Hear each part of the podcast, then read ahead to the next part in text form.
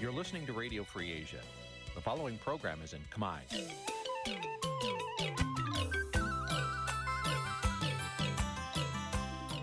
នេះជាកម្មវិធីផ្សាយ Vuthu Azizi Serai នេះជាកម្មវិធីផ្សាយរបស់ Vuthu Azizi Serai ជាភាសាខ្មែរ Vuthu Azizi Serai សូមស្វាគមន៍លោកអ្នកនាងទាំងអស់ពីរដ្ឋធានី Washington នៃសហរដ្ឋអាមេរិក។ ពីរដ្ឋធានី Washington ខ្ញុំបាទសេកបណ្ឌិតសូមជម្រាបសួរអស់លោកអ្នកនាងកញ្ញាទាំងអស់ជាទីមេត្រី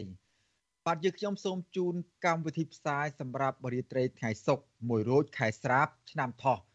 បញ្ញស័កពុទ្ធសករាជ2567ត្រូវនៅថ្ងៃទី1ខែកញ្ញាគ្រិស្តសករាជ2023បាទជាដំបូងនេះសូមអញ្ជើញអស់លោកអ្នកនាងស្ដាប់ព័ត៌មានប្រចាំថ្ងៃដែលមានមេតិការដូចតទៅ។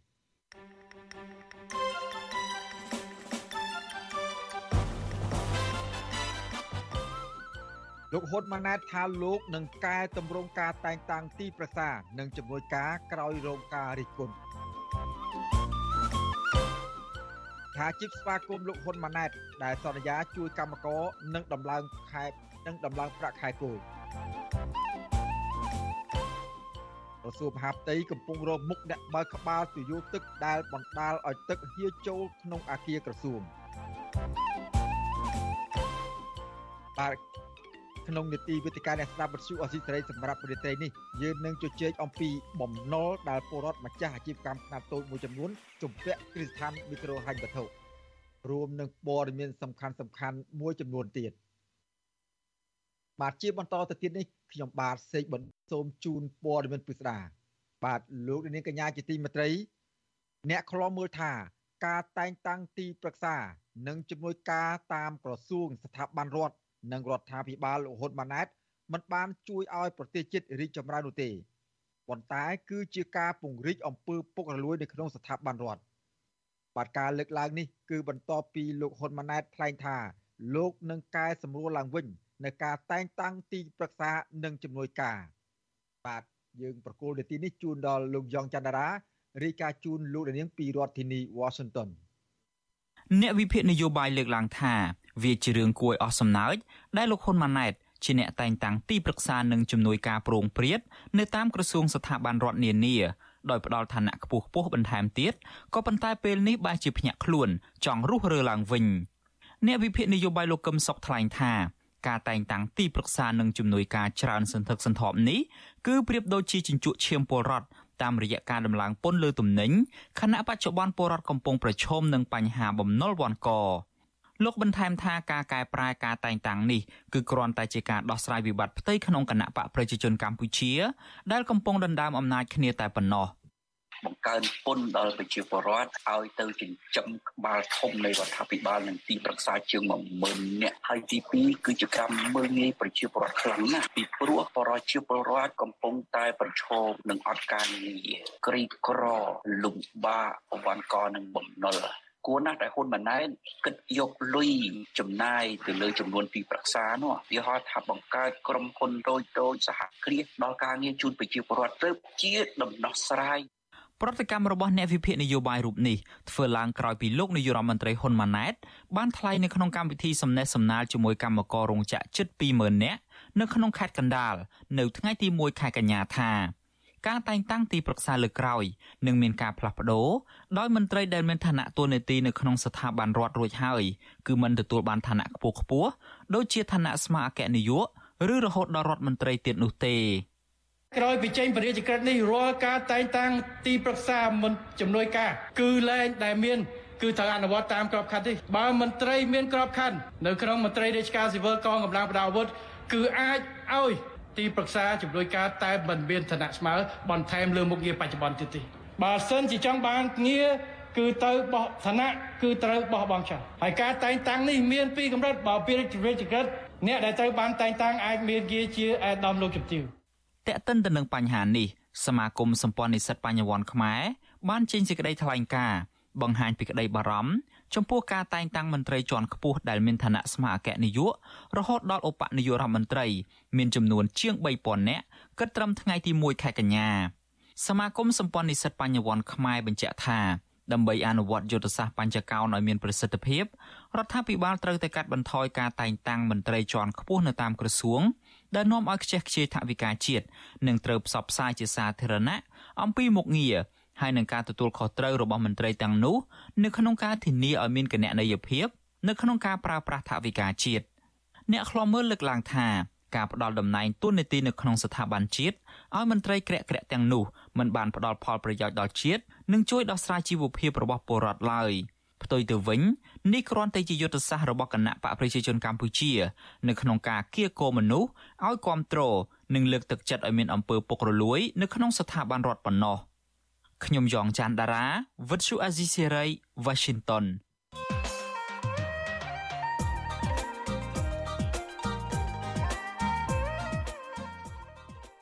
បាទលោកនាងកញ្ញាជាទីមេត្រីលោកនាងកំពុងតាមដានស្ដាប់ការផ្សាយរបស់វិទ្យុអស៊ីសេរីពីរដ្ឋធានីវ៉ាស៊ីនតោនថារដ្ឋអាមេរិកបាទអង្គការសង្គមស៊ីវិលរកឃើញថាពលរដ្ឋរាប់រយម៉ឺនរាប់រយគ្រួសារកំរងផលប៉ះពាល់ធ្ងន់ធ្ងរដោយបំណុលវាន់ក ដែលជំពាក់មីក្រូហិរញ្ញវត្ថុបាទរបាយការណ៍ចេញផ្សាយកាលពីថ្ងៃទី29សីហាបង្ហាញថាពលរដ្ឋនៅក្នុងខេត្តកំពង់ស្ពឺជិត20000គ្រួសារបានคล้ายជាកូនបំណុលឬខ្លួនបំរួចនៅក្នុងនោះមានអ្នកខ្លះបង្ខំចិត្តលក់ផ្ទះសម្បែងដីស្រែចម្ការទាំងបង្ខំដើម្បីកាត់បន្ថយមហូបអាហារហូបចុកប្រចាំថ្ងៃ និងកុមាររាប់ពាន់នាក់ទៀតបានបោះបង់ចោលការសិក្សាដោយសារតែបាត់គុណធម៌នេះ បាទតើមានមូលហេតុអ្វីខ្លះដែលធ្វើឲ្យពលរដ្ឋទាំងនោះរងគ្រោះជាប់បំណុលវាន់កជាមួយនឹងមីក្រូហិរញ្ញវត្ថុតើគាត់អាចដោះស្រាយបញ្ហានេះបានដែរឬទេហើយបានដោយរបៀបណា បាទនេះគឺជាប្រធានបទនៅក្នុងនីតិវិទ្យាអ្នកស្ដាប់របស់វិទ្យុអេសេរីនៅរាត្រីនេះដែលយើងនឹងពិភាក្សានៅពេលបន្តិចទៀតនេះបាទបើសិនជាលោកដានាងមានបំណងចង់ចូលរួមជាមួយនឹងយើងខ្ញុំដោយដាក់ពីស្នួរឬក៏បញ្ចេញមតិយោបល់ សូមលោកនាងដាក់លេខទូរស័ព្ទនៅក្នុងខ្ទង់ comment តាមរយៈបណ្ដាញសង្គម Facebook និង YouTube ដែលផ្សាយផ្ទាល់នៅពេលនេះក្រុមការងាររបស់វិទ្យុអាស៊ីសេរីនឹងហៅត្រឡប់ទៅលោកអ្នកវិញបាទសូមអរគុណ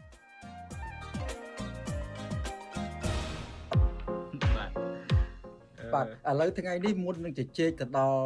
ប្រធានបទដោយ តារាគាត់បានលើកអំបញ្ញមិញនេះខ្ញុំចង់ថាទោះបីជា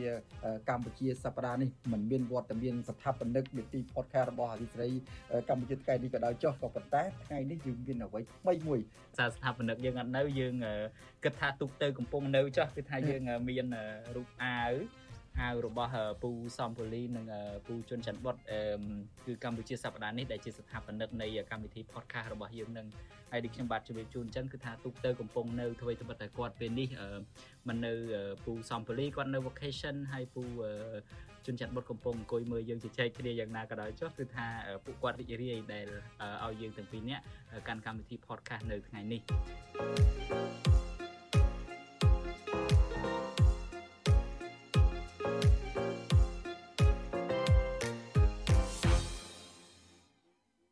បាទលោកនាងកញ្ញាជាទីមេត្រី podcast របស់វិទ្យុអេស៊ីស្រី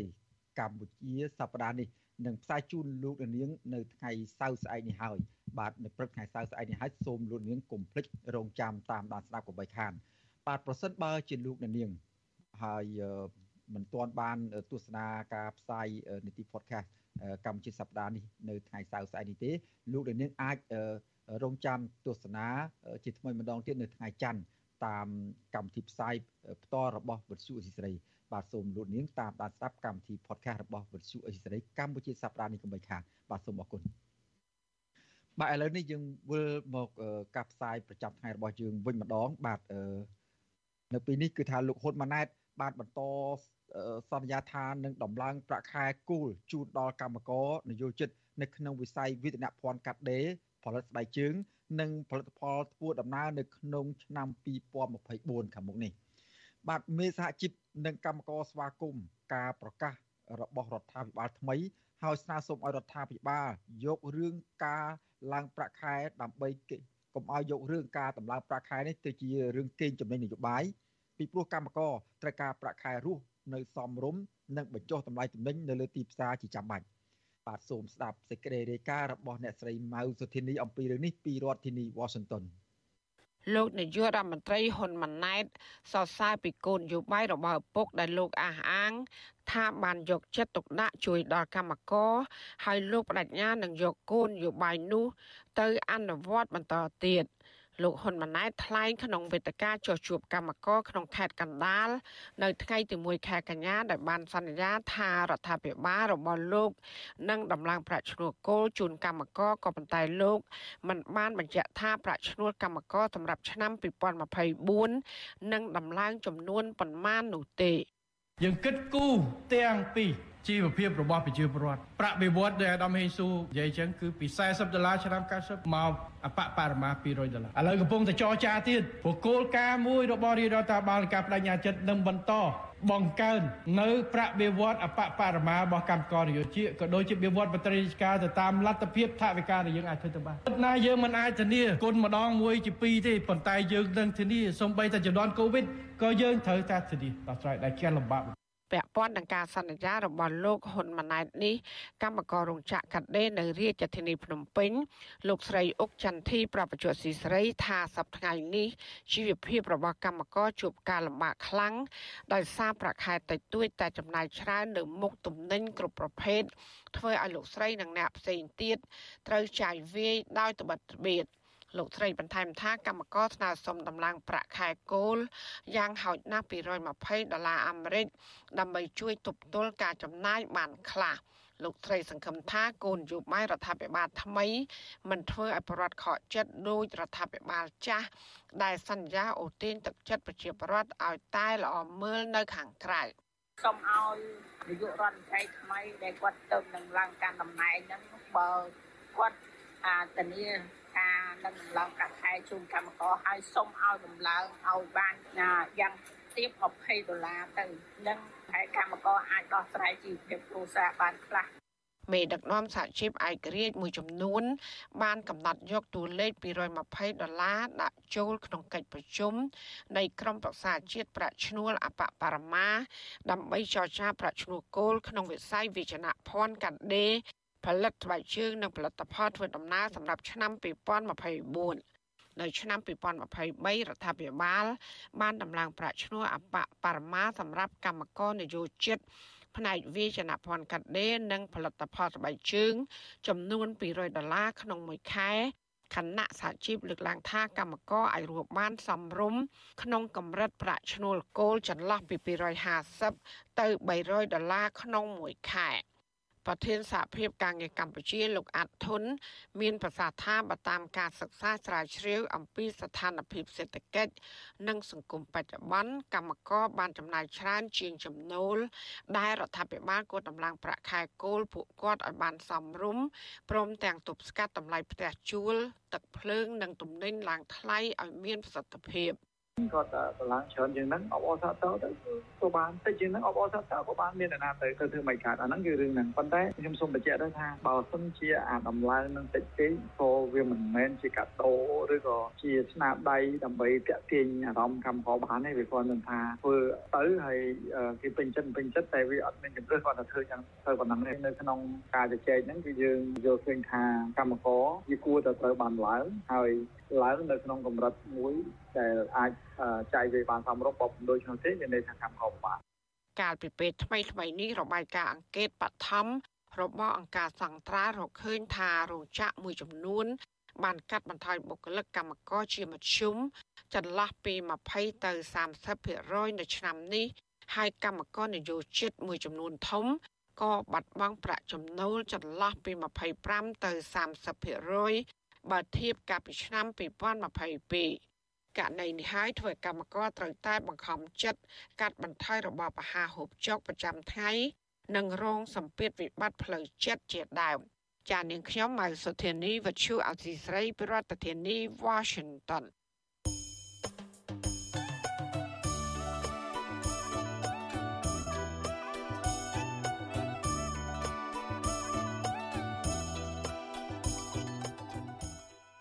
បាទគ្រូនាងកញ្ញាជាទីមេត្រីកម្មវិធីផ្សាយរបស់វិទ្យុអេស៊ីត្រីផ្សាយដំណើរគ្នាតាមរយៈរលកធាតុអាកាសខ្លីឬ Shortwave ដែលមានកម្រិតនិងកម្ពស់ដូចតទៅនេះបាទពេលព្រឹកចាប់ពីម៉ោង5កន្លះដល់ម៉ោង6កន្លះតាមរយៈប៉ុស SW 12.14 MHz ស្មើនឹងកម្ពស់ 25m និងប៉ុស SW 13.71 MHz ស្មើនឹងកម្ពស់ 22m បាទនៅពេលយប់ចាប់ពីម៉ោង7កន្លះដល់ម៉ោង8កន្លះតាមរយៈប៉ុស SW 9.33 MHz ស្មើនឹងកម្ពស់ 32m ប៉ុស SW 11.88 MHz ស្មើនឹងកម្ពស់ 25m និងប៉ុស SW 12.15 MHz ស្មើនឹងកម្ពស់ 25m បាទសូមអរគុណ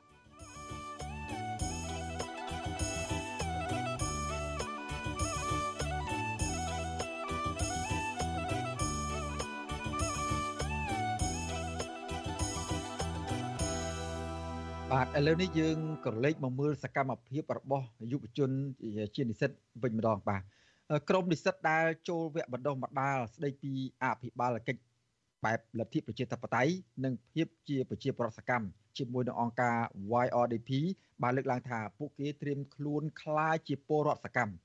បាទយើងប្រកូលនាទីនេះជូនដល់លោកថាថៃរាយការណ៍ជូនលោកនាងដូចតទៅ ក្រុមនិស្សិតដែលបានចូលរួមវគ្គបណ្ដុះបណ្ដាលស្ដីពីអភិបាលកិច្ចបែបប្រជាធិបតេយ្យនិងភាពជាពលរដ្ឋសកម្មលើកឡើងដូចដូចគ្នាថាពួកគាត់បានត្រៀមខ្លួនក្លាយជាពលរដ្ឋសកម្មដើម្បីចូលរួមលើកកម្ពស់ការអភិវឌ្ឍនិងការគោរពសិទ្ធិមនុស្សការលើកឡើងរបស់ក្រុមនិស្សិតបែបនេះធ្វើឡើងបន្ទាប់ពីពួកគាត់បានចូលរួមវគ្គបណ្ដុះបណ្ដាលស្ដីពីអភិបាលកិច្ចបែបប្រជាធិបតេយ្យនិងភាពជាពលរដ្ឋសកម្មជាមួយអង្គការកម្មវិធីអភិវឌ្ឍធនធានយុវជនហៅកាត់ថា YRDP ដែលរៀបចំវគ្គបណ្ដុះបណ្ដាលនេះ ចាប់តាំងពីថ្ងៃទី27ខែសីហាដល់ថ្ងៃទី2ខែកញ្ញាដោយមាននិស្សិតមកពីសាកលវិទ្យាល័យក្នុងរាជធានីភ្នំពេញចូលរួមសរុបចំនួន21នាក់និស្សិតផ្នែកសង្គមវិទ្យាឆ្នាំទី1នៃសាកលវិទ្យាល័យភូមិន្ទភ្នំពេញលោកផង់អានប្រាប់វិទ្យុអាស៊ីសេរីនៅថ្ងៃទី1កញ្ញាថាលោកបានយល់កាន់តែច្បាស់អំពីទូនាទីយុវជន និងសិទ្ធិរបស់ប្រជាពលរដ្ឋរស់ក្នុងសង្គមលទ្ធិប្រជាធិបតេយ្យបន្ទាប់ពីលោកបានចូលរួមវគ្គបណ្ដុះបណ្ដាលជាមួយអង្គការ YRDP លោកបានថែមថាលោកបានផ្លាស់ប្ដូរការគិតនិងអិរិយាបថជាច្រើនបន្ទាប់ពីបានស្វែងយល់អំពីសិទ្ធិមនុស្សនិងការគិតបែបស៊ីជម្រៅអំពីលទ្ធិប្រជាធិបតេយ្យ ខ្ញុំមានកម្រងក្នុងការចុះធ្វើសិក្ខាសាលាមួយដែរស្ដីពីសិទ្ធិរបស់ជាពលរដ្ឋនៅក្នុងសង្គមលទ្ធិប្រជាធិបតេយ្យដើម្បីឲ្យយុវជនយើងផ្សេងផ្សេងទៀតនឹងបានយល់ដឹងអំពីបញ្ហាសង្គមយើងអំពីប្រជាធិបតេយ្យក្នុងសង្គមយើងហើយតើប្រជាធិបតេយ្យពិតប្រាកដនឹងបែបណាហើយការអនុវត្តបែបឬក៏ការអភិវឌ្ឍបែបហ្នឹងហ្នឹងវាស្របជាមួយនឹងលទ្ធិប្រជាធិបតេយ្យដែលយើងមាននៅក្នុងពិភពលោកយើងឬមួយក៏អត់ស្រដៀងគ្នានេះសមណនិស្សិតជំនាញអប់រំពេញមួយជីវិតនៃសាកលវិទ្យាល័យភូមិន្ទភ្នំពេញព្រះអង្គទឹកសៅធាមានធរដីកាថាព្រះអង្គយល់ដឹងកាន់តែច្បាស់អំពីការវិដំឡៃអំពីលទ្ធិប្រជាធិបតេយ្យដោយផ្អែកទៅលើលក្ខណៈ12យ៉ាងរួមមានការបែងចែកអំណាចដំណើរការបោះឆ្នោតនិងស្ថានភាពគោរពសិទ្ធិមនុស្សជាដើមព្រះអង្គបន្ថែមទៀតថាក្រៅពីផ្ដល់ឱកាសឲ្យសិក្ខាកាមបានជជែកដេញដោលអំពីស្ថានភាពនយោបាយដោយមិនមានការរឹតបន្តឹងហើយនោះវាអភិបាលកិច្ចបែបប្រជាធិបតេយ្យនិងភាពជាពលរដ្ឋសកម្មរបស់អង្គការ YRDP ក៏បានដឹកនាំសិក្ខាកាមចុះជួបគណៈបកនយោបាយ ដើម្បីស្វែងយល់ពីគោលនយោបាយលើកកម្ពស់លទ្ធិប្រជាធិបតេយ្យនិងសិទ្ធិមនុស្សផងដែរសង្គមមួយដែលយើងរៀនទៅគេអប់រំថាឲ្យយើងគិតតែពីខ្លួនឯងអញ្ចឹងណាយ៉ាងណាយើងជួយខ្លួនឯងឲ្យបានសិនប៉ុន្តែពេលដែលយើងចូលទៅរៀននៅ YRDP បានរំលេចនៅបញ្ហាសង្គមហើយយើងឃើញពលរដ្ឋលំបាកអីចឹងទៅយើងមានអារម្មណ៍ថាបើសិនជាមាននឹងបញ្ហាសង្គមអីចឹងទៅស្មាននឹងអាចចូលរួមក្រៅពីពង្រឹងសិទ្ធិអំណាចយុវជនតាមរយៈការផ្តល់វគ្គបណ្ដុះបណ្ដាលផ្សេងផ្សេងអង្គការ YRDP ក៏មានគម្រោងគាំទ្រយុវជនឲ្យចូលរួមការងារសង្គមដែរតាមរយៈការផ្ដល់កញ្ចប់ថវិកាខ្នាតតូចផ្ដល់ឲ្យក្លឹបយុវជនស្ម័គ្រចិត្តអនុវត្តគម្រោងផ្សេងផ្សេងទាក់ទងនឹងការអប់រំយុវជននិងការតស៊ូមតិអំពីបញ្ហានៅក្នុងសង្គមនិងបរិស្ថានជំនួយការគម្រោងការអប់រំពលរដ្ឋប្រជាធិបតេយ្យរបស់អង្គការ YRDP កញ្ញាអ៊ុំសុរចនាមានប្រសាសន៍ថាវាបណ្ដុះបណ្ដាលស្ដីពីអភិបាលកិច្ចបែបប្រជាធិបតេយ្យនិងភាពជាពលរដ្ឋសកម្មផ្ដោតសំខាន់ទៅលើមេរៀន3 ទី1ការស្វែងយល់អំពីលទ្ធិប្រជាធិបតេយ្យទី2សិទ្ធិមនុស្សនិងទំនួលខុសត្រូវរបស់យុវជនក្នុងលទ្ធិប្រជាធិបតេយ្យនិងទី3គឺការតស៊ូមតិដោយអហិង្សាកញ្ញាបន្ថែមថាក្រៅពីរៀនអំពីទ្រឹស្ដីនៅក្នុងថ្នាក់រៀនហើយនោះសិក្ខាកាមក៏ត្រូវបានដឹកនាំឲ្យចុះអនុវត្តផ្ទាល់តាមរយៈការចុះសិក្សាអំពីស្ថានភាពលទ្ធិប្រជាធិបតេយ្យនៅតាមសហគមន៍និងជួបពិភាក្សាជាមួយតំណាងគណៈបកនយោបាយផងដែរបើ គាត់ចូលធ្វើការឬក៏ចូលសង្គមទៅមុខទេគឺគាត់ត្រូវការមូលដ្ឋានគ្រឹះច្បាប់នៅក្នុងការការពារខ្លួនឯងទាំងនៅកន្លែងធ្វើការក្តីទាំងជីវិតរស់នៅក្តីគាត់ត្រូវការដឹងដែរហើយជាពិសេសគាត់បានយល់អំពីការវិវត្តនៃសង្គមនយោបាយស្រុកទេសនឹងវិវត្តទៅដល់ណាគាត់អាចមានសមត្ថភាពសម្រាប់ការពារធ្វើការឆ្លោះប្រចាំងទៅលើស្ថានភាពសង្គមនឹងដែរទោះជាយ៉ាងណាក្រុមសិក្ខាកាមដែលបានសិក្សាវគ្គបណ្ដុះបណ្ដាលចាប់ពីថ្ងៃទី27ខែសីហាដល់ថ្ងៃទី2ខែកញ្ញា បានជួបពិភាក្សាជាមួយគណៈបកភ្លើងទៀនតែមួយប៉ុណ្ណោះគណៈគណៈបកប្រជាជនកម្ពុជាមិនបានឆ្លើយតបចំពោះការស្នើសុំជួបពិភាក្សារបស់ក្រុមនិស្សិតនោះឡើយ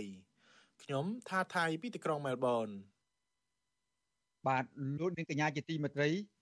អ្នកខ្លោមមើលសង្គមលើកឡើងថាករណីអ្នកបើកក្បាលទុយោទឹកសម្រាប់សង្គ្រោះបន្ទាន់នៅអាគារក្រសួងមហាផ្ទៃដែលបានធ្វើឲ្យទឹក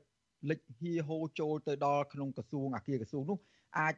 ជាបញ្ហាជាប់ពាក់ព័ន្ធនឹងករណីជាច្រើនដូចជាការមិនពេញចិត្តនៅនឹងកន្លែងធ្វើការឬក៏ជាករណីឌឺដងឲ្យរដ្ឋមន្ត្រីក្រសួងមហាផ្ទៃថ្មីគឺលោកសសុខា ជាកូនប្រុសរបស់លោកសខេងនោះជាដើមបាទចំណែកអ្នកនាំពាក្យក្រសួងមហាផ្ទៃអះអាងថាក្រសួងកំពុងយកចិត្តទុកដាក់ស៊ើបអង្កេតចំពោះរឿងនេះបាទលោកលាននឹងបានស្ដាប់សេចក្តីរាយការណ៍របស់អំពីរឿងនេះនៅព្រឹកស្អែកបាទ បាទលោកនាងកញ្ញាជាទីមេត្រីកម្មវិធីផ្សាយព័ត៌មានប្រចាំថ្ងៃរបស់វិទ្យុអេស៊ីសេរីសម្រាប់រាត្រីថ្ងៃសុក្រនេះបានដែលជម្រាបជូនដល់ខ្ញុំបាទសេចបណ្ឌិតនៅពេលនេះសូមបញ្ចប់តែតនេះសិនហើយនៅមានរឿងរ៉ាវជាច្រើនទៀតដែលនឹងត្រូវផ្សាយជូនលោកនាងសូមលោកនាងរងចាំស្ដាប់នៅព្រឹកស្អែកទៀតពីព្រោះថ្ងៃនេះយើងត្រូវការពីវេលាដើម្បីផ្សាយជូននៅកម្មវិធីវេទិកាអ្នកស្ដាប់របស់វិទ្យុអេស៊ីសេរីដែលនឹងចាប់ផ្ដើមនៅពេលបន្តិចទៀតនេះ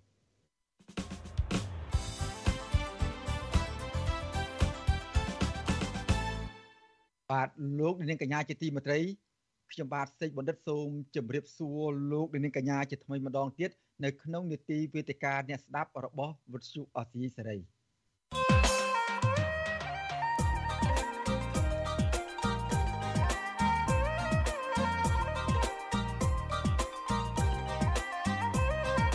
វេទិកាអ្នកស្ដាប់វិទ្យុអាស៊ីសេរី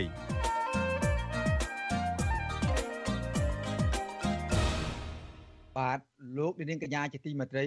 នៅក្នុងនេតិវេទិកាអ្នកស្ដាប់របស់វិទ្យុអសីស្រីសម្រាប់ប្រទេសត្រីនេះយើងនឹងជជែកអំពីបញ្ហាបំណុល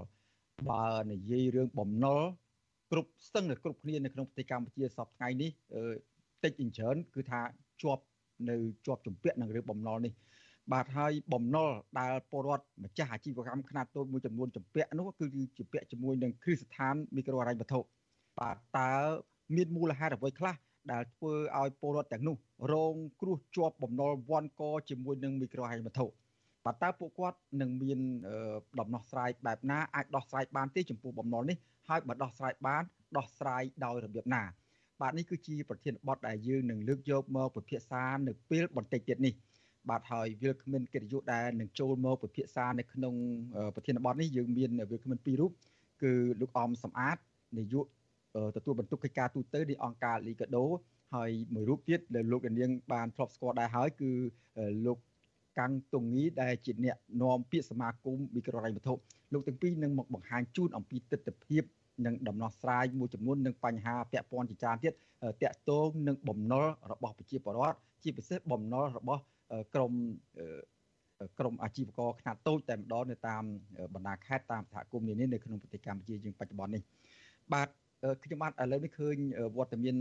ភ្ញៀវកិត្តិយសរបស់យើងទាំងពីររូបហើយគឺលោកអមសំអាត និងលោកច័ន្ទទុងនេះបាទខ្ញុំបាទសម្រិទ្ធសួរអ្នកទាំងពីរពីចម្ងាយបាទបាទសាច់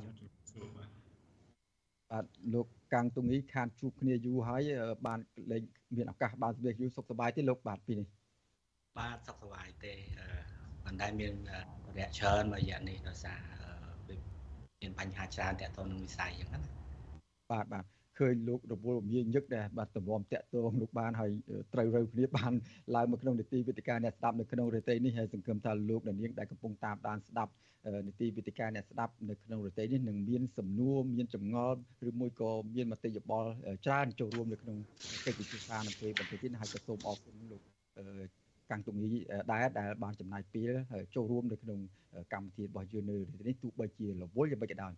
លោកអមសម្បត្តិក៏អញ្ចឹងដែរក៏លោកក៏រវល់ណាស់ដែរក៏សិតតែឆ្លៀតគ្រប់គ្នាដើម្បីចូលរួមក្នុងកិច្ចពិភាក្សាដើម្បីផ្ដល់ជាប្រយោជន៍ដល់លោកអ្នកស្ដាប់នៅក្នុងរទេនេះបាទលោកអមសម្បត្តិតើមួយរយៈពេលនេះចាំបាច់ដែរឃើញមានយកជើងសុកទុកយ៉ាងណាដែរលោកបាទបាទសូមអរគុណបាទសុខទុក្ខធម្មតាប៉ុន្តែការងាររៀងមានយ៉ាងតិចរយៈពេលចុងក្រោយនេះបាទ អរគុណឥឡូវនេះមុននឹងផ្ដល់នេតិជូនដល់លោកវិលក្មិនយើងទាំងពីររូបខ្ញុំចង់ជម្រាបជូនដល់លោកដានាងបន្តិចថាបើសិនជាលោកដានាងមានបំណងចង់ចូលរួមជាមួយនឹងកិច្ចពិភាក្សារបស់វេទិកាអ្នកស្ដាប់បទសុអេសីសម្រាប់ពេលនេះលោកដានាងអាចផ្ដល់ដាក់ជាសំណួរលេខទូរស័ព្ទនៅក្នុងខ្ទង់ comment តាម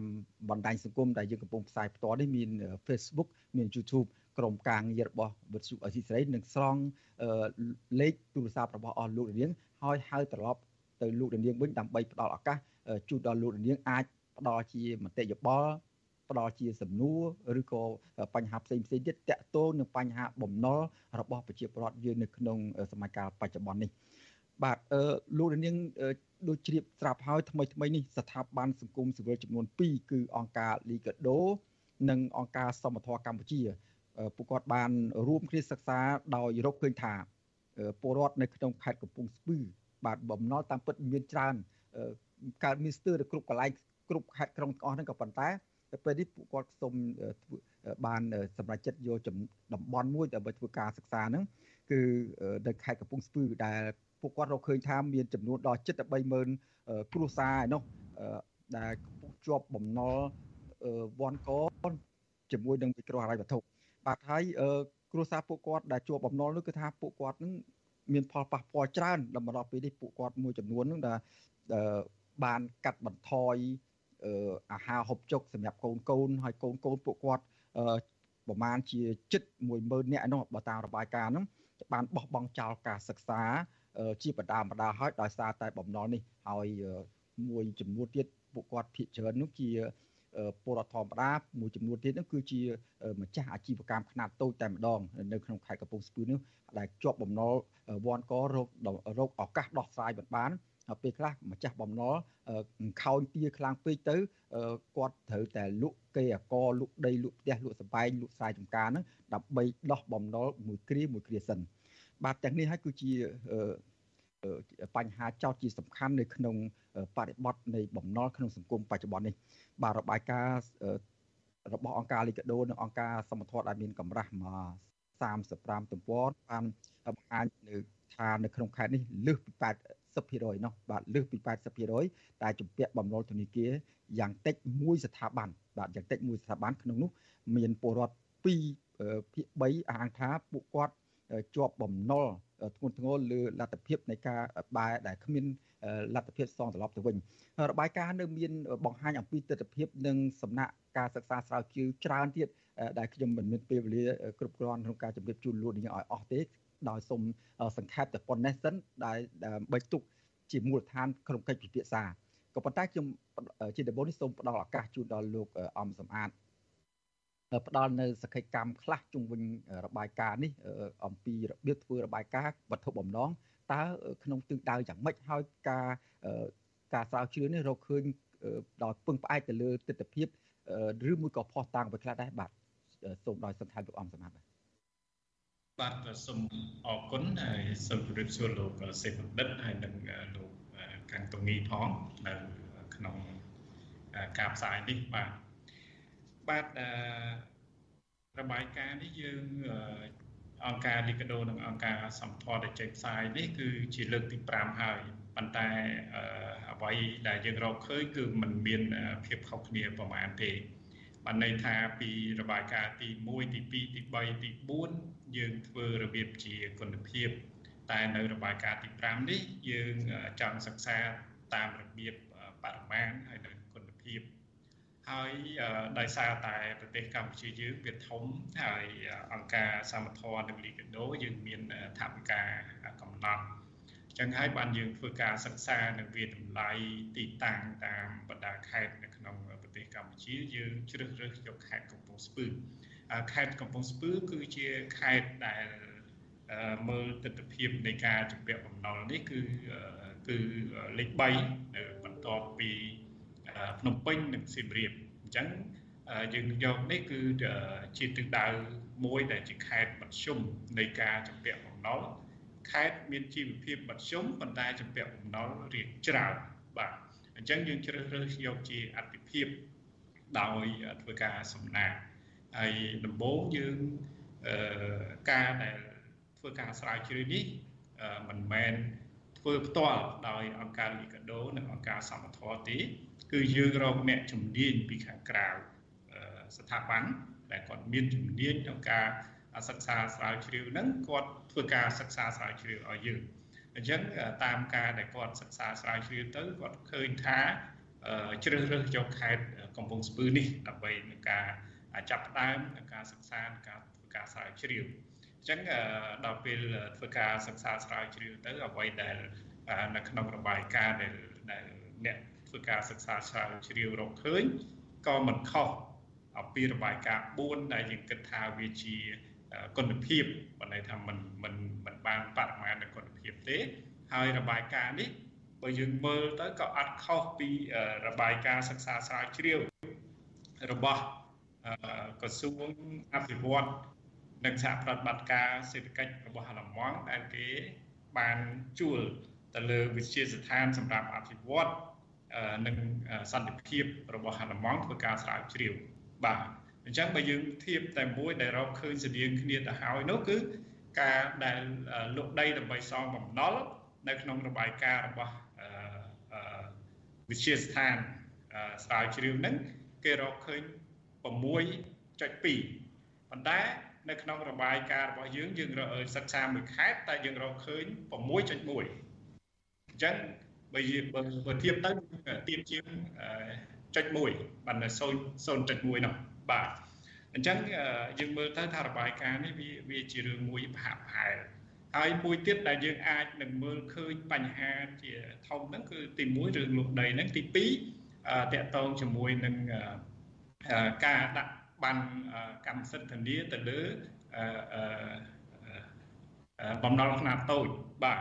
អញ្ចឹងឃើញថាច្រើន ធៀបនឹងរបាយការណ៍របស់ការស្រាវជ្រាវរបស់រមងហ្នឹងក៏អត់ខុសគ្នាដែរហើយមួយទៀតតកតងនឹងការបាត់បង់ការសិក្សារបស់កូនទី1គឺគាត់នៅពេលដែលមានការជំពាក់បំណុលហើយសេដ្ឋកិច្ចគ្រួសារគាត់ចុះទាបគាត់ឲ្យកូននឹងទៅជួយធ្វើការដើម្បីបង្កើនថវិកាដើម្បីសងបំណុលអញ្ចឹងបំណុលយើងរកឃើញមានទាំងពីរបានន័យថាបំណុល ក្នុងប្រព័ន្ធគឺតាមតាមរយៈកម្ចីនៃមីក្រូហិរញ្ញវត្ថុនិងធនាគារហ្នឹងហើយកម្ចីមួយទៀតគឺកម្ចីមិនផ្លូវការមិនន័យថាកម្ចីខាងក្រៅអញ្ចឹងបំណុលពីរនេះវាមានភាពជំពាក់នឹងគ្នា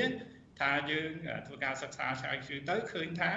បំណុលខ្លះហ្នឹងគឺគាត់ខ្ចីឯកជនដើម្បីសងបំណុលធនាគារឬក៏មីក្រូហិរញ្ញវត្ថុអញ្ចឹងអាកម្ចីរបៀបនេះហើយដែលហានិភ័យខ្ពស់បំផុតសម្រាប់ អ្នកខ្ចីបាទហើយយើងមើលឃើញថាប្រឈមមុខនឹងបាត់បង់ទ្រព្យសម្បត្តិបាត់បង់ដីធ្លីបាទហើយក្នុងនោះក៏យើងរកឃើញថាអ្នកខ្លះគាត់លក់ទ្រព្យសម្បត្តិដូចជាមាសមាសពេជ្រទ្រព្យសម្បត្តិមានតម្លៃម៉ូតូឡានអីហ្នឹងនៅពេលដែលដែលសេដ្ឋកិច្ចគាត់ធ្លាក់ចុះទៅគាត់លក់ដើម្បីធ្វើការសងដល់នេះគឺយើងមើលឃើញទស្សនវិជ្ជាចុងក្រោយហ្នឹង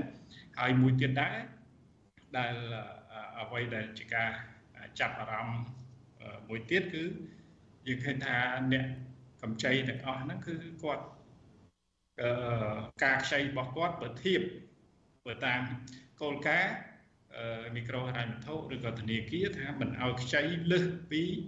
70%នៃចំណូលទេបានន័យថាទៀបជាងប៉ុន្តែយើងរកឃើញទៅលើការខ្ចីនេះខ្ពស់ពីច្រើនខ្ពស់ជាង70%អាហ្នឹងគឺគឺជាហានិភ័យសម្រាប់ពួកគាត់ បាទអញ្ចឹងគឺអ្វីដែលយើងធ្វើការសិក្សាស្រាវជ្រាវឡើងទី5នេះគឺចង់រកជាបរិមាណហ្នឹងចង់ធៀបជាមួយនឹងរបាយការណ៍យើងមុនមុនហ្នឹងតើវាអាចស៊ីសង្វាក់គ្នាទេហើយខ្ញុំចង់បញ្ជាក់ថានៅឆ្នាំទី1របាយការណ៍ទី1ដែលអង្គការ Liga do បានចេញរួមជាមួយនឹងសមាគមធៀងថ្នោតនៅឆ្នាំ2019យើងរកឃើញថាកម្ចី ខ្នាតតូចហ្នឹងមានតែ8000លានដុល្លារទេប៉ុន្តែនៅឆ្នាំ2023នេះយើងឃើញថាមានការកើនឡើងទ្វេគឺ16,000លានដុល្លារបាទអញ្ចឹងអាហារនិភ័យបើសិនជាអ្នកកម្ចីហ្នឹងដូចខ្ញុំលើកឡើងថាគាត់ខ្ចីមិនត្រូវទិសដៅទេហើយមន្ត្រីអន្តទានដែលគាត់វាយតម្លៃជាមួយនឹងអ្នកកម្ចីនឹងអត់ត្រូវទេអញ្ចឹងផលវិបាកហានិភ័យសម្រាប់អ្នកខ្ចីហ្នឹង វាអាចមានច្រើនដូចរបាយការណ៍ដែលបានលើកឡើងអញ្ចឹងបាទបាទអរគុណលោកអំសម្បត្តិដែលបានបង្ហាញនៅទស្សនវិជ្ជាជាក់ស្ដែងពាក់ព័ន្ធនឹងបំណុលនេះដោយផ្អែកទៅលើរបាយការណ៍ដែលទើបនឹងរកឃើញថ្មីគឺរបាយការណ៍លើកទី5ដោយលោកអំសម្បត្តិបានលើកឡើងអញ្ចឹងថារបាយការណ៍លើកទី5និងរបាយការណ៍លើកទី1នោះឃើញថាស្ថានភាពបំណុលអត់បានថយចុះទេបានកើនឡើងរហូតហើយនេះក៏អាចឆ្លុះបញ្ចាំងអំពីស្ថានភាពសេដ្ឋកិច្ច ស្ថានភាពការរស់នៅរបស់ប្រជាពលរដ្ឋនោះស្ថិតនឹងកម្រិតណាហើយបាទហើយដូចខ្ញុំបានលើកពីខាងដើមអញ្ចឹងថារឿងនិយាយរឿងពីបំណុលហ្នឹងមិនមែនតែខេត្តកំពង់ស្ពឺមួយទេគឺថាគ្រប់កន្លែងទាំងអស់ហើយប្រជាពលរដ្ឋដែលជំពាក់បំណុលសពថ្ងៃនេះ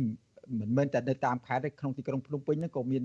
ជាប់បំណុលដែរជាពិសេសប្រជាពលរដ្ឋនៅក្នុងទីក្រុងភ្នំពេញដែលជាប់បងបូរី ដីឡូចំនួនកំពុងតែជួបវិបត្តិតវ៉ាស្ទើរមិនលុះថ្ងៃទេសូមឲ្យមានការលើកលែងបំណុលហើយសូមឲ្យមានការបញ្ចុះការប្រាក់ឬមួយក៏អនុវត្តច្បាប់ឲ្យបានត្រឹមត្រូវពីព្រោះពួកគាត់ពេលនេះកំពុងតែជួបនៅវិបត្តិធ្ងន់ធ្ងរដែលគ្មានប្រាក់ចំណូលក្នុងការបង់ត្រឡប់សងត្រឡប់ឬមួយក៏បង់រំលោះទៅដល់ក្រុមហ៊ុនឬគឺស្ថានណាមួយដែលពួកគាត់កំពុងតែជួបពាក់ព័ន្ធនោះបាទឥឡូវនេះខ្ញុំបាទសូមជូននាទីនេះទៅដល់លោកកាំងទុងីដែលជា អ្នកនាំពាក្យសមាគមមីក្រូហិរញ្ញវត្ថុដែលសូមឲ្យលោកចាប់អារម្មណ៍ដោយសង្ខេបទៅលើទស្សនវិជ្ជាបំណុលនៅក្នុងពេលបច្ចុប្បន្ននេះបើផ្អែកទៅលើរបាយការណ៍ឬមួយក៏លោកមានរបាយការណ៍មានអ្វីឆ្លុះបញ្ចាំងខុសពីរបាយការណ៍របស់អង្គការលីកាដូនេះបាទសូមជម្រាប បាទអរគុណបងសេងមិននឹងវិទ្យុអាស៊ីសេរីដែលផ្ដល់ឱកាសឲ្យសមាគមមីក្រូអញ្ញធុធ្វើការផ្សព្វផ្សាយពង្រីក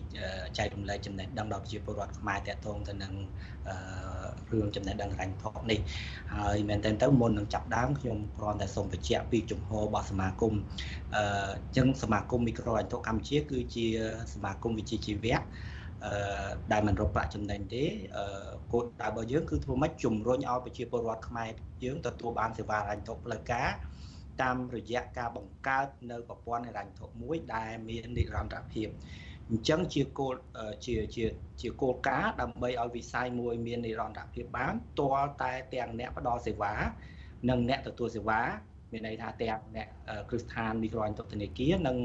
អតិជនហ្នឹងគាត់ទទួលបានអត្ថប្រយោជន៍ពីវិស័យមួយនេះប្រសិនបើខាងគ្រឹះស្ថានមីក្រូអញ្ញឬក៏ធនាគារគាត់កេងប្រវ័ញ្ចទៅលើអតិជន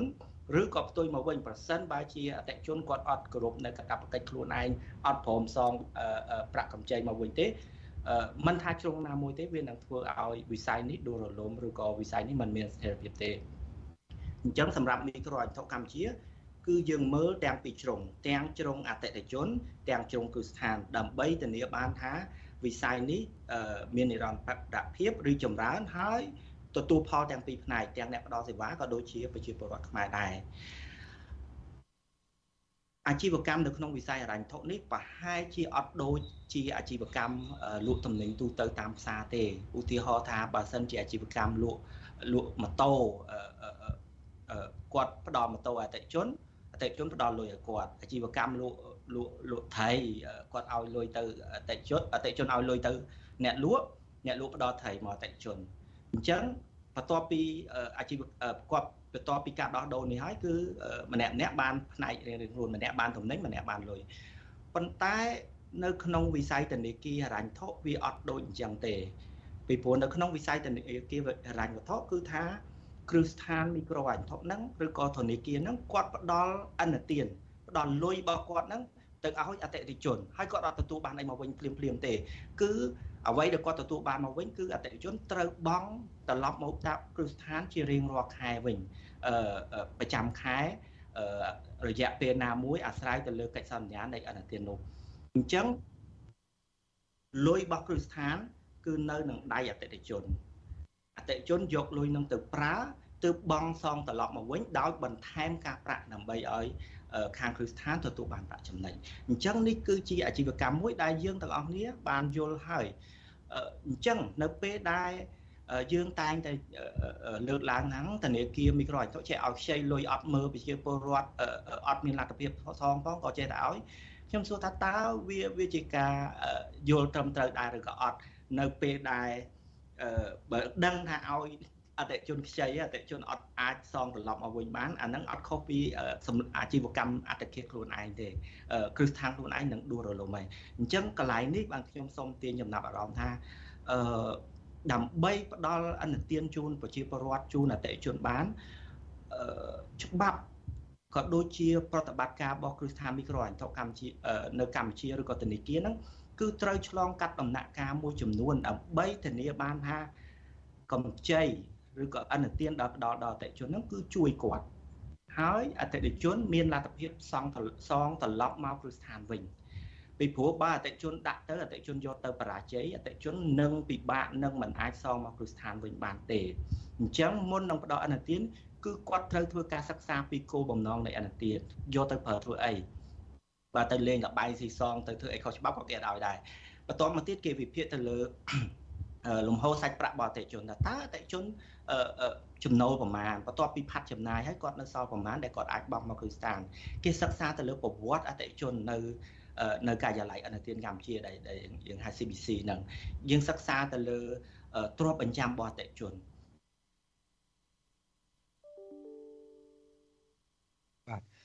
ខ្ញុំមិនលឺលោកកាំងទុងីបន្តទៀតទៀតគឺប្រព័ន្ធវីដេអូ Skype របស់គាត់កាំងហើយប្រហែលជាមកពីបញ្ហាអ៊ីនធឺណិតឥឡូវនេះអឺខ្ញុំឃើញលោកអំសម្អាតទៅវិញបាទលោកអំសម្អាតអឺតាមការលើកឡើងរបស់លោកខ្ញុំនឹងមានសំណួរជាច្រើនតែលោកកាំងតុងីក៏ប៉ុន្តែឥឡូវនេះប្រព័ន្ធ Skype គាត់ដាច់ទៅហើយក្នុងឱកាសនេះខ្ញុំ សូមជម្រាបជូនលោកនាងជាពិសេសប្រជាពលរដ្ឋអ្នកស្ដាប់ដែលកំពុងដែលទស្សនាការផ្សាយរបស់វិទ្យុអេស៊ីសេក្នុងនេតិវេទិកាអ្នកស្ដាប់របស់វិទ្យុអេស៊ីសេសម្រាប់វេទិនេះផ្ទាល់តែម្ដងបើសិនជាមានបញ្ហាបំណុលឬមួយក៏មានបញ្ហាអ្វីមួយពាក់ព័ន្ធនឹងជាមួយនឹងមីក្រូហិរញ្ញវត្ថុនៅពេលនេះអាចដាក់ជាសំណួរឬក៏ជួយចែករំលែកនៅព័ត៌មានដែលកំពុងជួបប្រទះជាមួយនឹងមីក្រូហិរញ្ញវត្ថុក្នុងឱកាសនេះអមិញលោកច័ន្ទតុងងីបានលើកឡើងថា កាំងតុងងីបានលើកឡើងថាអឺម្ចាស់ខាងខ្ញុំបាទអូឥឡូវលើកសុទ្ធតែលេងលោកកាំងតុងងីមកវិញហើយបាទឥឡូវក្រុមការងារខ្ញុំភ្ជាប់លោកជាថ្មីម្ដងទៀតលោកអង្គស្មាតក៏ប៉ុន្តែលោកអង្គកាំងទុងងីមិញក៏បានលើកថាគ្រឹះស្ថានមីក្រូហិរញ្ញវត្ថុមុននឹងផ្ដល់ប្រាក់កម្ចីគឺថាមានក្រមសីលធម៌ក្នុងការសិក្សាពីចំណូលរបស់អតិថិជនហើយបើសិនជា ការផ្ដល់ប្រាក់កម្ចីទៅឲ្យអតិថិជនមិនត្រឹមត្រូវទេធ្វើឲ្យបីដូចជាធ្វើអតិថិខ្លួនឯងចឹងបើខ្ញុំចាំពាក្យគាត់មិញថាដូចធ្វើអតិថិខ្លួនឯងចឹងក៏ប៉ុន្តែកន្លងមកមានរបាយការណ៍មួយចំនួនបានរកឃើញថាមានសក្តិស្ថានមីក្រូហិរញ្ញវត្ថុមួយចំនួនបានរំលោភបំពានឬមួយក៏កេងចំណេញទៅលើ ការផ្ដល់ប្រាក់កម្ចីទៅដល់ប្រជាពលរដ្ឋសម្រាប់ឬមួយក៏ទទួលបានដែលជាម្ចាស់អាជីវកម្មខ្នាតតូចចេញដើមដែលហោចណាស់ក៏មានគ្រឹះស្ថានមីក្រូហិរញ្ញវត្ថុចំនួន6ដែរនៅក្នុងប្រទេសកម្ពុជាបច្ចុប្បន្ននេះដែលផ្ដល់ប្រាក់កម្ចីដល់ប្រជាពលរដ្ឋឬមួយក៏ម្ចាស់អាជីវកម្មខ្នាតតូចហ្នឹងមិនបានសិក្សាត្រឹមត្រូវឬមួយក៏មិនបានគ្រប់តាមគោលការណ៍ដូចជាលោកអំសម្បត្តិបានលើកឡើងអំបញ្ញមិញនេះជាងថាផ្ដល់កម្ចីនេះកុំឲ្យលើសពី70%ក៏ប៉ុន្តែរបាយការណ៍សិក្សារកឃើញលើសពី70%ឥឡូវនេះខ្ញុំបានសូមអឺចង់មិនចង់ផ្ដល់សំណួរទៅដល់លោកអង្គសម្បត្តិឥឡូវឃើញលោកច័ន្ទតុងីមកត្រឡប់មកវិញហើយខ្ញុំសូមបន្តជាមួយលោកច័ន្ទតុងីតែម្ដងទៅលោកកាំងតុងី មិញលោកថាលើកឡើងថាការផ្ដល់កម្ចីទៅដល់ប្រជាពលរដ្ឋទៅដល់គោលបំណុលនោះគឺថាមានការសិក្សាច្បាស់លាស់ជាពិសេសបើសិនជាមិនមានការសិក្សាអំពីប្រាក់ចំណូលអំពីបញ្ហាបរិបទផ្សេងផ្សេងក្នុងអាជីវកម្មរកស៊ីឬក៏ទទួលទានថាទិសដៅគាត់យកបំណុលនេះจะធ្វើអីច្បាស់លាស់ទេគឺថាវាផ្ដល់គូថ្នាក់ហើយវាជាការធ្វើអត្តឃាតខ្លួនឯងរបស់គ្រឹះស្ថានមីក្រូហិរញ្ញវត្ថុឬក៏អ្នកផ្ដល់ប្រាក់កម្ចីនោះ ក៏ប៉ុន្តែកន្លងមកយើងឃើញអ្នកដែលអឺអញ្ញថាបំពេញឬមួយក៏មិនបានធ្វើការតាមគោលនយោបាយតាមក្រមសីលធម៌ត្រឹមត្រូវក្នុងការសិក្សាពីប្រាក់ចំណូលពីទិសដៅរបស់ប្រជាពលរដ្ឋត្រឹមត្រូវដោយផ្ដល់ប្រាក់កម្ចីនោះលើសចំនួន បាទលើសចំនួនកំណត់លើសគោលការណ៍កំណត់ដោយលោកអំសម្បត្តិបានលើកពីខាងដើមរបាយការណ៍ដែលរកឃើញពីបំណុលនឹងជាដើមថាមានការផ្ដល់ប្រាក់កម្ចីនោះលើសពី70%បាទហើយ បំណុលទីសោតនោះគឺថាប្រជាពលរដ្ឋមកមករូបនឹងជួនកាលមិនមែនខ្ចីគ្រឹះស្ថានមីក្រូហិរញ្ញវត្ថុតែមួយទេខ្ចីដល់2ដល់3ក៏មានដែរហើយគ្រឹះស្ថានមីក្រូហិរញ្ញវត្ថុដែលកំពុងតែធ្វើការដែលបាទថាផ្ដល់ប្រាក់កម្ចីលើសពី70%ឲ្យទៅដល់ម្ចាស់បំណុលកោបំណុលនោះ គឺថាបច្ចុប្បន្ននេះអត់ដូចដូចអត់មានឃើញគាត់ធ្វើអតិថិជនអីខ្លួនឯងឃើញគាត់រឹតតែរីកចម្រើនតទៀតរឹតតែមានបានតទៅទៀតធៀងផងហើយអ្នកដែលដែលចង់ធ្វើអតិថិជនខ្លួនឯងទៅវិញនោះគឺកូនបំណុលទៅវិញទេប្រជាពលរដ្ឋទៅវិញទេនេះជារបាយការណ៍របស់អន្តរជាតិដែលរកឃើញអំពីបញ្ហានេះហើយអង្គការលីកាដូអង្គការសុខធក៏បានរកឃើញតាមរយៈការចុះសិក្សាផ្ទាល់ដែរពីបញ្ហានេះតើលោកកាំងទុំនេះមានការឆ្លើយតបជាមួយចំពោះបញ្ហានេះបាទ អឺកន្លងមកក៏ខ្ញុំទទួលបានរបាយការណ៍ក៏ដូចជាការចោទប្រកាន់ជាពិសេសការលើកឡើងនៅតាមបណ្ដាញសង្គមអឺអីផងដែរមែនតើយើងទទួលបានទាំងអស់គ្នាអឺខ្ញុំក៏មិនមិនមិនសុំមិនវាយតម្លៃនៅរបាយការណ៍ដែលអង្គការលីកាដូចេញចុងក្រោយនេះពីព្រោះក៏មានព័ត៌មានមួយចំនួនពួកខ្ញុំអត់ទទួលបានដែរអ្វីដែលយើងទទួលបានគឺយើងមើលតែរបាយការណ៍ដែលផ្សព្វផ្សាយជាសាធារណៈ ប៉ុន្តែវាមានចំណុចខ្លះដែលយើងត្រូវការសួរបន្ថែមទៀតត្រូវការជីកបន្ថែមទៀតហើយក៏យើងមានចំណាប់អារម្មណ៍ខ្លះដែរទៅលើចំណុចនេះអញ្ចឹងខ្ញុំកន្លែងនេះខ្ញុំគ្រាន់តែសូមបញ្ជាក់ថានៅពេលយើងនិយាយពីបំណុលនៅក្នុងភាសាខ្មែរយើងយើងប្រហែលជាគិតថាវាវាអាហ្នឹងវាអាក្រក់មិនអញ្ចឹងឯងបងបងប៉ុន្តែ ទាំងអស់គ្នាប្រហែលជាទទួលស្គាល់គិតបន្តិចទៅទទួលស្គាល់ថានៅពេលដែលយើងនិយាយពីបំណុលឬក៏កម្ចីហ្នឹងក៏ពិតវាមិនមែនអាក្រក់ទាំងអស់ទេបំណុលឬក៏កម្ចីវានឹងធ្វើបាបប្រជាពលរដ្ឋប្រសិនបើប្រជាពលរដ្ឋហ្នឹងយកបំណុលហ្នឹងទៅប្រើប្រាស់ខុសគោលដៅទៅទៅគឺហាទៅចំណាយលើរបស់អត់ប្រយោជន៍ទាំងមិនបានសារពីលទ្ធភាពបង់ត្រឡប់មកវិញប៉ុន្តែផ្ទុយទៅវិញ ប្រសិនបើបំណុលនេះ យកទៅប្រើប្រាស់ឲ្យចំគោលដៅមានន័យថាយកទៅប្រកបរបរមុខអាជីវកម្មអីមួយយកទៅពង្រីកមុខរបរយកទៅបង្កើនទ្រព្យសម្បត្តិវិនិយោគអីផ្សេងផ្សេងហ្នឹងអាហ្នឹងគឺវាល្អទៅវិញទេគឺវាជួយប្រជាពលរដ្ឋយើងទៅវិញទេអញ្ចឹងកន្លែងនេះជាជាចំណុចមួយដែលខ្ញុំសូមបញ្ជាក់ឲ្យច្បាស់ថានៅពេលយើងនិយាយពាក្យបំណុលឬក៏កម្ចីនេះយើងអត់អាចវិយតម្លៃថាអូឲ្យតែជាពាក់បំណុលសិតតាក្រក់ទេយើងមើល តើយើងមើលស៊ីជម្រៅទៅលើបំណុលហ្នឹងអញ្ចឹងបានកន្លែងនេះក៏ខ្ញុំសូមសូមទាញចំណាប់អារម្មណ៍ទៅលើរបាយការណ៍នេះដែរនៅពេលដែលយើងព្យាយាមជឿយកការភ្ជាប់ឧទាហរណ៍នៅក្នុងរបាយការណ៍ហ្នឹងក៏បានភ្ជាប់ពីបំណុលមីក្រូហិរញ្ញវត្ថុទៅពលកម្មកុមារបំណុលមីក្រូហិរញ្ញវត្ថុទៅទៅលើការលក់ដីជាដើមហ្នឹងក៏ប៉ុន្តែ យើងមើលមែនតែនដែរយើងមើលនៅក្នុងរបាយការណ៍ហ្នឹងគឺយើងអត់មានឃើញភ័ស្តុតាងដែលបញ្ជាក់ថាតើគាត់ញ៉ាំតិចជាងមុនហ្នឹងគាត់បញ្ជូនកូនគាត់ទៅរៀនហ្នឹងដោយសារតែបំណុលឬក៏ដោយសារមូលហេតុអីអានេះអានេះយើងអត់ឃើញផុសតាំងច្បាស់ទេហើយរបាយការណ៍នេះគឺសិក្សានៅក្នុងឆ្នាំ2022គឺជាពេលវេលាដែលសេដ្ឋកិច្ចយើងអត់ដើរស្រួលទេយើងកំពុងតែរងផលប៉ះពាល់ នៃជំងឺ Covid-19 ខ្ញុំអត់ខ្ញុំអត់បដិសេធទេថាតើមីក្រូហិរញ្ញវត្ថុពិតជាបានចូលរួមចំណែកឬក៏អត់កន្លែងនេះខ្ញុំក៏អត់បដិសេធដែរប៉ុន្តែអ្វីដែលរបាយការណ៍រកឃើញវាមិនមែនជាអីដែលយើងវាអត់ឃើញផុសតាមតែភ្ជាប់ណាគ្រាន់តែថាអូក្នុងចំណោមអ្នកជាពាក់បំណុលហ្នឹងគឺមានប្រព័ន្ធភាគរយគាត់ញ៉ាំតិចជាងមុនអឺចុះយើងមានបានសិក្សាទេថាជនអ្នកអត់ជាពាក់បំណុលតើគាត់ញ៉ាំតិចជាងមុនទេ ហើយតើតើការញ៉ាំតិចជាងមុនហ្នឹងវាដោយសារតែបំណុលឬក៏ដោយសារតែកត្តាសេដ្ឋកិច្ចចំណូលរបស់គាត់ធ្លាក់ជាងមុនអញ្ចឹងធម្មតានៅពេលដែលចំណូលធ្លាក់ជាងមុនយើងត្រូវតែកាត់បន្ថយការចំណាយរៀបចំរញ្ញធនឡើងវិញហើយអញ្ចឹងកន្លែងនេះជាចំណុចមួយដែលខ្ញុំសូមទាញចំណាប់អារម្មណ៍ថាការស្រាវជ្រាវនៅពេលដែលកំពុងតែលំបាកយើងធ្វើការស្រាវជ្រាវទៅវាវាលទ្ធផលវាអត់ចេញអីដែរដែលល្អទេហើយគោលបំណងនៃការស្រាវជ្រាវនេះទៀតសោតក៏ផ្ដោតទៅលើជ្រុង អវិជ្ជមាននៃបញ្ហាកម្ចីនេះដែរអានឹងអានឹងយើងយើងយើងនិយាយត្រង់លោកអស់នេះកាំងទុំនេះបាទចំពោះការលើកឡើងការបោះស្រាយជុំវិញបញ្ហានេះក៏ប៉ុន្តែរបាយការណ៍របស់អង្គការលីកាដូរបាយការណ៍ផ្សេងផ្សេងទៀតដូចជារបាយការណ៍របស់ ADB អីជាដើមដែលខ្ញុំបានសិក្សាឬបានអានខ្លះខ្លះកន្លងមកកន្លងមកនោះហើយអង្គការលីកាដូនឹងរបាយការណ៍នោះក៏បានលោកថាមិនបានបាន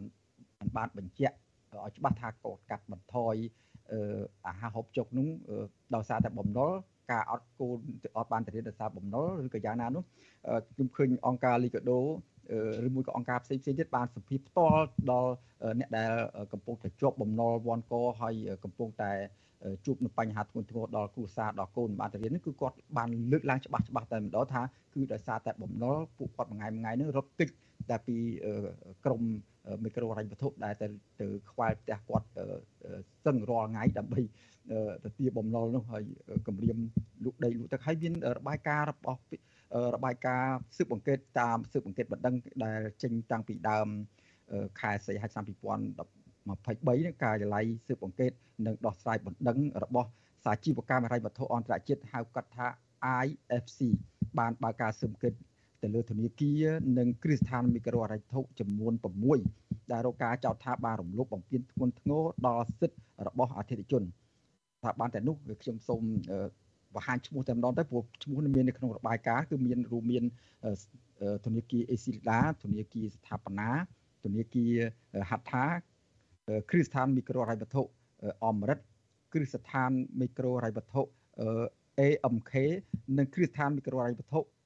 ប្រាស័កជាដើមបាទខ្ញុំចង់សួរលោកតុងតងីបែរតើគ្រឹះស្ថានមីក្រូដែលរកការចោទប្រកាន់ក្នុងរបាយការណ៍របស់ IMS នេះ IFC នេះតើលោកធ្លាប់បានដឹងរបាយការណ៍នេះទេហើយធ្លាប់បានសិក្សាឬមួយក៏ទៅអង្កេតទៅលើគ្រឹះស្ថានមីក្រូហិរញ្ញវត្ថុដែល6គេបានសិក្សាថាមានការរំលោភធ្ងន់ធ្ងរទៅលើការទុកចិត្តឬការដែលសិក្សាមុននឹងអត់ផ្ដល់ប្រាក់កម្ចីដែរទេបាទសូមដោយសង្ខេបខ្លីបាទអរ គុណបងបងបណ្ឌិតចំពោះការលើកឡើងទៅអឺប្រធានបទនេះដោយសារតែកន្លងមកក៏ពិតសមាគមមីក្រូអញ្ចុកកម្ពុជាក៏យើងបានចេញសេចក្តីថ្លែងការណ៍យើងស្វាគមន៍ចំពោះការស៊ើបអង្កេតនេះពីព្រោះមែនតើទៅដោយខ្ញុំលើកឡើងពីខាងដើមថាវិស័យមួយដែលវាមាននិរន្តរភាពតរតែគ្រប់ភាគីហ្នឹងគ្រប់បាប់គ្រប់គ្នាទៅវិញទៅមកហើយមានអត្ថប្រយោជន៍ទាំងអស់ប៉ុន្តែខ្ញុំគ្រាន់តែយកឱកាសនេះបញ្ជាក់ទៅបងក៏ដូចជាសាធារណជនថា អ្វីដែល IFC គាត់យើងហៅខៅយន្តការឯករាជ្យមួយរបស់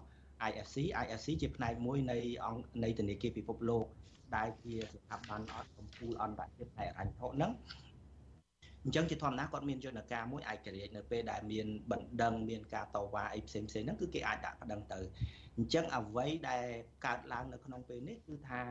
អឺ ខាវឬក៏ endorsement របស់ IFC ហ្នឹងគឺគាត់ចាប់ផ្ដើមការស៊ើបអង្កេតទៅលើរបៀបដែល ISC វិនិយោគទៅលើវិស័យហិរញ្ញវត្ថុអញ្ចឹងនៅក្នុងដំណាក់កាលពេលនេះគឺអត់ទាន់អាចចាត់ប្រកាន់អត់ទាន់អាចចេញជាលទ្ធផលថាតើពិតជាមានការរំលោភសិទ្ធិមនុស្សដូចជាការចោទប្រកាន់ពាក្យបណ្ដឹងដែលប្រជាពលរដ្ឋយើងតាមរយៈអង្គការលីកាដូហ្នឹងបានដាក់ទៅអត់ទេគ្រាន់តែគេចាប់ដើមការស៊ើបអង្កេត អញ្ចឹងមុននឹងយើងវាតម្លៃថាពិតជាមានឬក៏មិនមានយើងគួរតែរងចាំនៅពេលដែលរបាយការណ៍នេះចេញជាផ្លូវការសម្រាប់សមាគមមីក្រូអញ្ចុកកម្ពុជាគឺយើងសូមស្វាគមន៍ប្រសិនបើយើងរកឃើញថា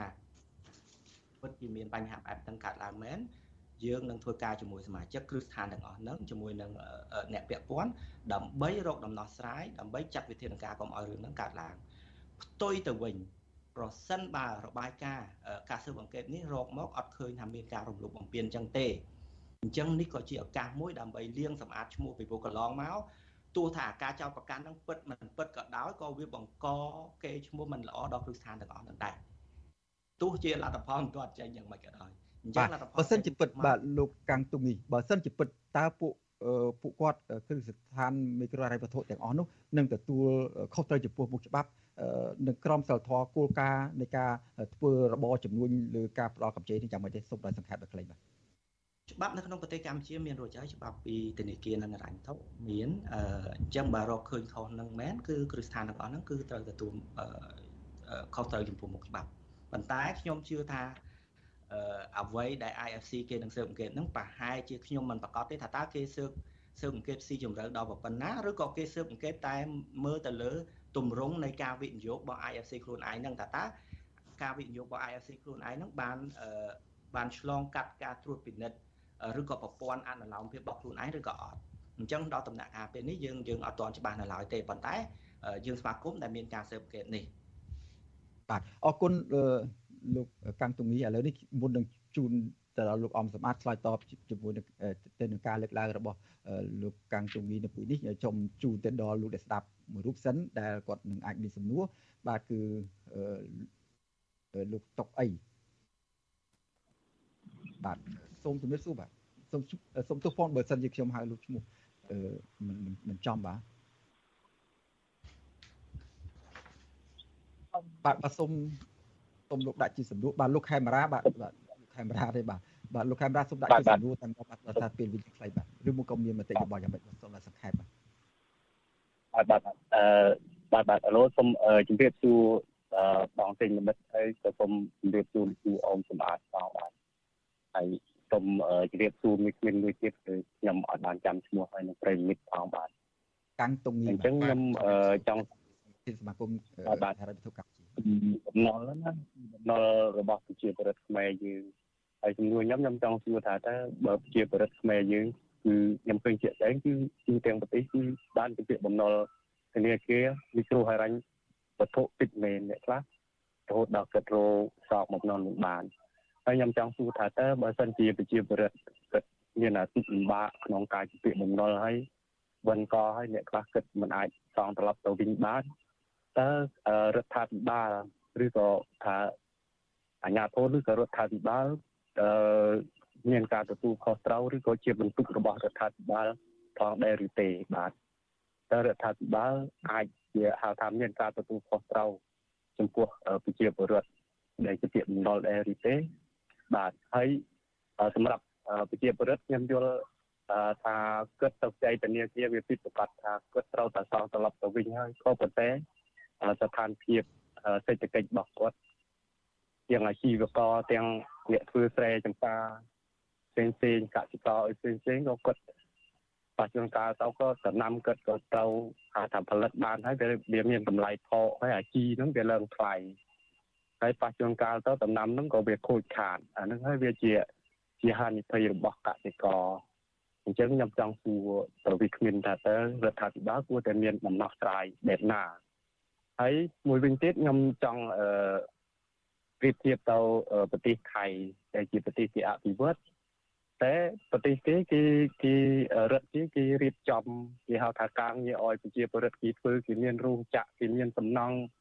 ហើយការងារផ្សេងផ្សេងបើសិនជាប្រជាជាតិថៃវិញគេដើរឬការងារហៅថាតាម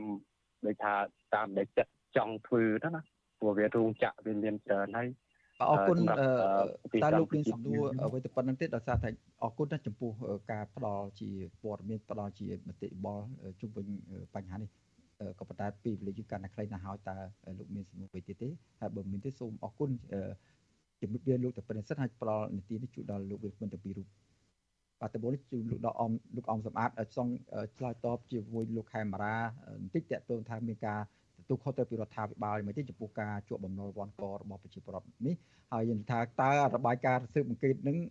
កន្លងមកចោទការទៅលើក្រមមីក្រូរ៉ៃវត្ថុនិងការជាពាក់បំណុលថាពលរដ្ឋអត់បានទៅសាលារៀននិងអត់បានហូបចុកគ្រប់គ្រាន់ដោយសារបំណុលនេះក៏យ៉ាងណាដែរបាទលោកអង្គស្បាត់សូមឲ្យសំខាន់បើយើងមាន2នាទីទេបាទបាទសូមអរគុណ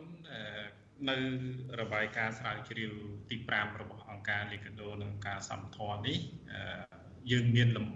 ចែងលម្អិតហើយនៅក្នុងរបាយការណ៍ហ្នឹងអាចពិនិត្យមើលទាំងអស់គ្នាទាំងរូបមន្តនៃការសិក្សាស្រាវជ្រាវទាំងការរកឃើញគឺជាលទ្ធផលមួយបង្ហាញយ៉ាងច្បាស់លាស់ឧទាហរណ៍ដូចជាកុមារអញ្ចឹងយើងបានរកឃើញនៅក្នុងផ្នែកមួយនោះគឺយើងឃើញថាមានកុមារ87នាក់នៅក្នុងចំណោមដែលយើងសម្ភាសហ្នឹងគាត់ឈប់រៀនតែក្នុងហ្នឹងគឺមាន41នាក់ឈប់រៀន ដើម្បីជួយធ្វើការដោះបំណុល